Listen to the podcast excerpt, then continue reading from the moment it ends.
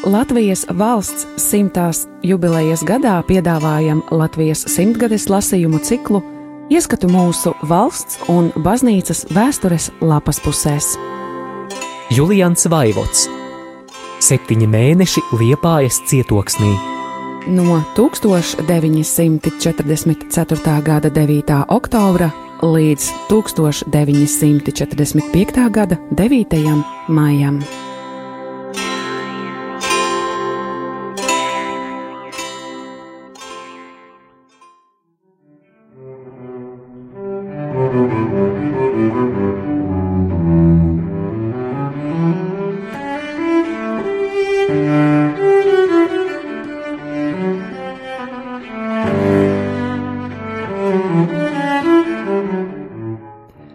1945. gada 13. martā.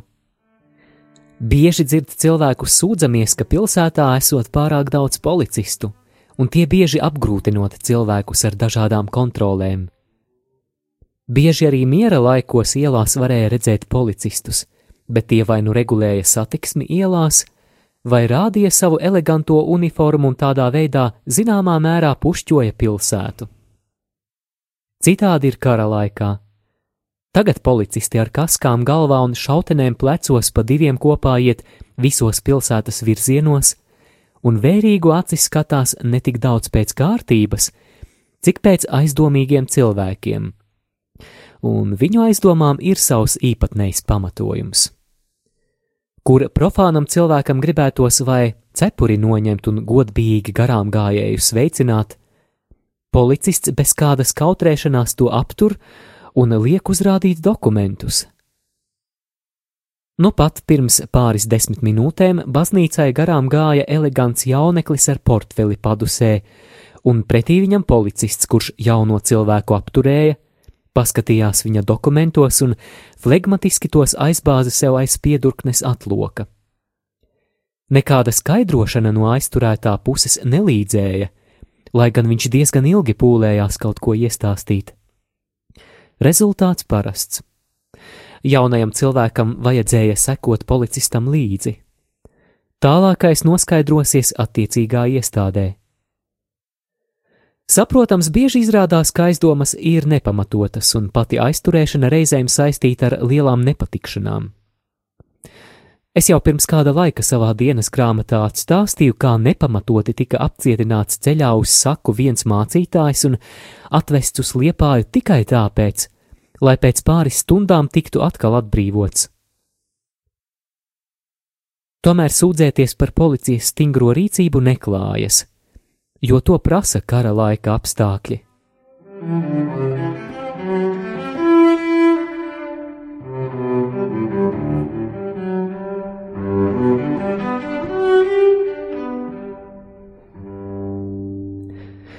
Interesanti šī sakarībā atzīmēt Cicerona prātojumu. Romiešiem bija no valsts algoti tā sauktie akuzatores, apsūdzētāji. Tas ir ierēģi, kas vainīgos un aizdomās turētos iesūdzēja tiesā. Arī savā ziņā policisti. Par viņiem Cicerons teica akuzatores multos esse in civitate, utile est ut metu continuatur audacie Labi, ja pilsētā ir daudz apsūdzētāju, jo bailes savalda pārdrošību. Bet eh, labi tas esot tikai tad, ja pilsoņi netiekot no tiem terorizēti, jo arī nevainīgie varot būt turēti aizdomās. Tomēr labāk, lai caur apsūdzētāju centību nevainīgais tiekot apsūdzēts nekā caur nolaidību vainīgais paliekot neiesūdzēts. Nevainīgi iesūdzēto varot attaisnot, bet neiesūdzēto vainīgo nesot iespējams nosodīt. Cicerons min piemēru no dzīves. Kā zināms, romieši par piemiņu tam, ka zosis ar savu modrību kādreiz uzmodināja sargus un ar to pasargāja Romu no ienaidnieku ielaušanās pilsētā, Kapitolā pastāvīgi turēja zosis. Tāpēc Cicerons teica, kaut gan zosis nevarot pazīt, kas ir zaglis, bet tikai darot cilvēkus uzmanīgus un, ja arī nepamatot izsaucot aizdomas, tad tomēr viņu grēks piedodams, jo izdarīts drošības labā. Tālāk viņš ņem kā piemēru suņus. Kā zosim dodot ēst par to, ka viņas kliedzot pie katra aizdomīga gadījuma, tāpat arī barojot suni, lai viņš rejot ne tikai tur, kur kāda ļaunprātība notiekot, bet arī tur, kur esot tikai aizdomas par tādu. Bet, ja suns dienā rejot to, kas uz lūkšanu ejot, tad viņam par to atsitot kāju. Griežoties pie apsūdzētājiem, Cicerons teica, ka viņiem gan par nepatiesu ļaunprātību kājas neviens nelauzīšot, bet pēc valstī pastāvošā likuma iededzināšot pierē burtu, kuru tie tik ļoti ienīstot. Par ļaunprātīgu un nepatiesu apsūdzēšanu vainīgajam Romas impērijā iededzināja pierē burtu C.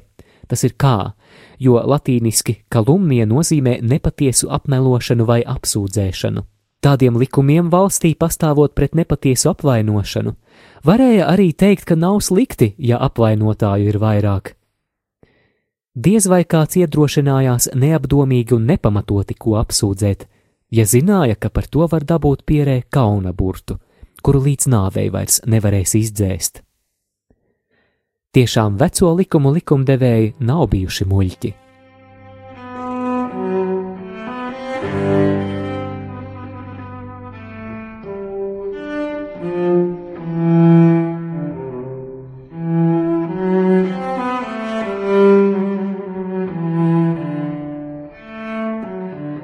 Tūkstoš 945. gada 14. martā Tie paši policisti, par kuriem vakar rakstīju, manam konvertītam sagādāja diezgan lielas grūtības.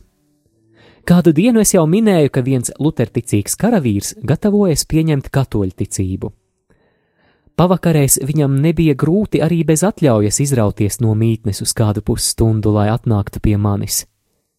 Bet rītā agri, kad baznīcā dievkalpojums un cilvēki tiek pieņemti pie dievgalda, tas izrādījās neiespējami. Kādu rītu bija mēģinājis un uzkūlies virsū policijai. Ar lielām grūtībām tikai ticis vaļā. Pie dievgalda jāiet nēdušam, bet viņš var nākt tikai pēcpusdienā. Kad to pateicu, viņš atbildēja ātri un vienkārši: Es jau varu arī līdz vakaram gaidīt nēdis. Esmu pa trīs dienām stāvējis bez ēšanas. Saprotams, ka tādu upuri no viņa nedrīkstēja prasīt, un tāpēc atradu citu izēju. Priekš vācu karaspēka ir pāvesta speciāla dispensa, ka karavīri var iet pie dievgalda pēc pusotras stundas pēc ēšanas.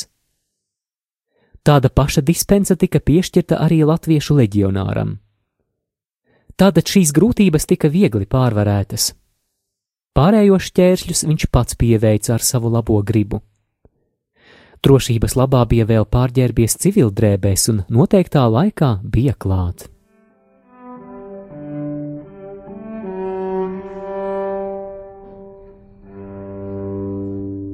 Ilgi viņš bija gaidījis šo brīdi un nopietni uz to gatavojies. Tāpēc arī pieņemšanas ceremoniju pārdzīvoja kā svarīgāko notikumu savā dzīvē. Vai Dievs viņu bija līdz šim sargājis no visa ļauna, lai šo dienu sagaidītu, vai šo dienu viņam piešķīris par to, ka viņš no visa ļauna un netīra līdz šim bija sargājies? Prieks ir līdzdarboties un mācīt tādu, kas pats ar vislielāko centību seko visam. Liekas baidīdamies, ka tik kaut kas nepaliek nedzirdēts vai neievērots. Man te jāpliecina, ka maz savā mūžā esmu sastapis tik nosvērtu konvertītu, un galvenais - ar tik skaidru intenciju - tuvoties dievam tādā ceļā, kādu atzīst par visīsāku un pareizāku. Īsts dieva valstības meklētājs, kurš neprasa, kas man par to būs. Dievam nekas nav neiespējams, un kā redzams, nav neiespējams pat vissliktākā kara atmosfērā un vismazāk piemērotos dzīves apstākļos tomēr saglabāt sev īstus pielūdzējus un patiesus izrēliešus, kā Kristus teica.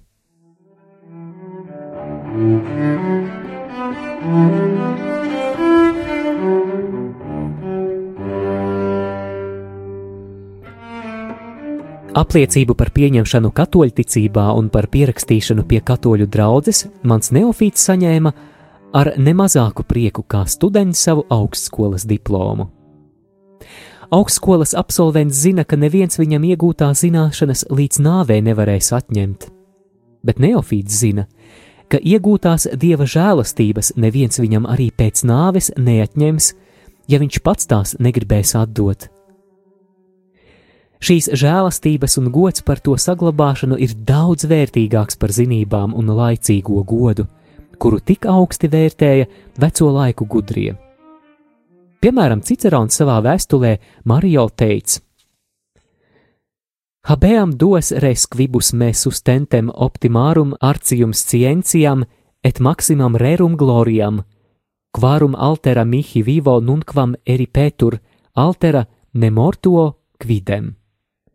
Man ir divas lietas, kuras mani uztur - augstāko mākslu zināšana un gods. Vienu man dzīvam esot neviens neatņems, otru pat mirušam ne.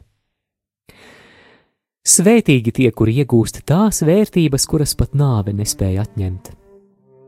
Par laicīgo mantu vērtību, vai precīzāk sakot, nevērtību vislabāk mūs māca pašreizējie dzīves apstākļi kaut dzīvību cilvēks par viņu saglabāšanu atdotu, tomēr no tām jāšķiras. Kam augstāku vērtību par materiālajām šodien nav, tas ir galīgs nabaks.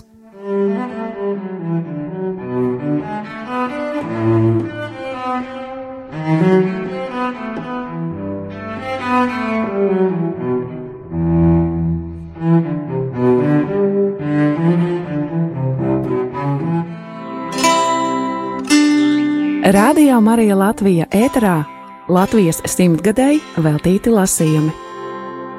Julians Vaivots Septiņi mēneši Liepājas cietoksnī.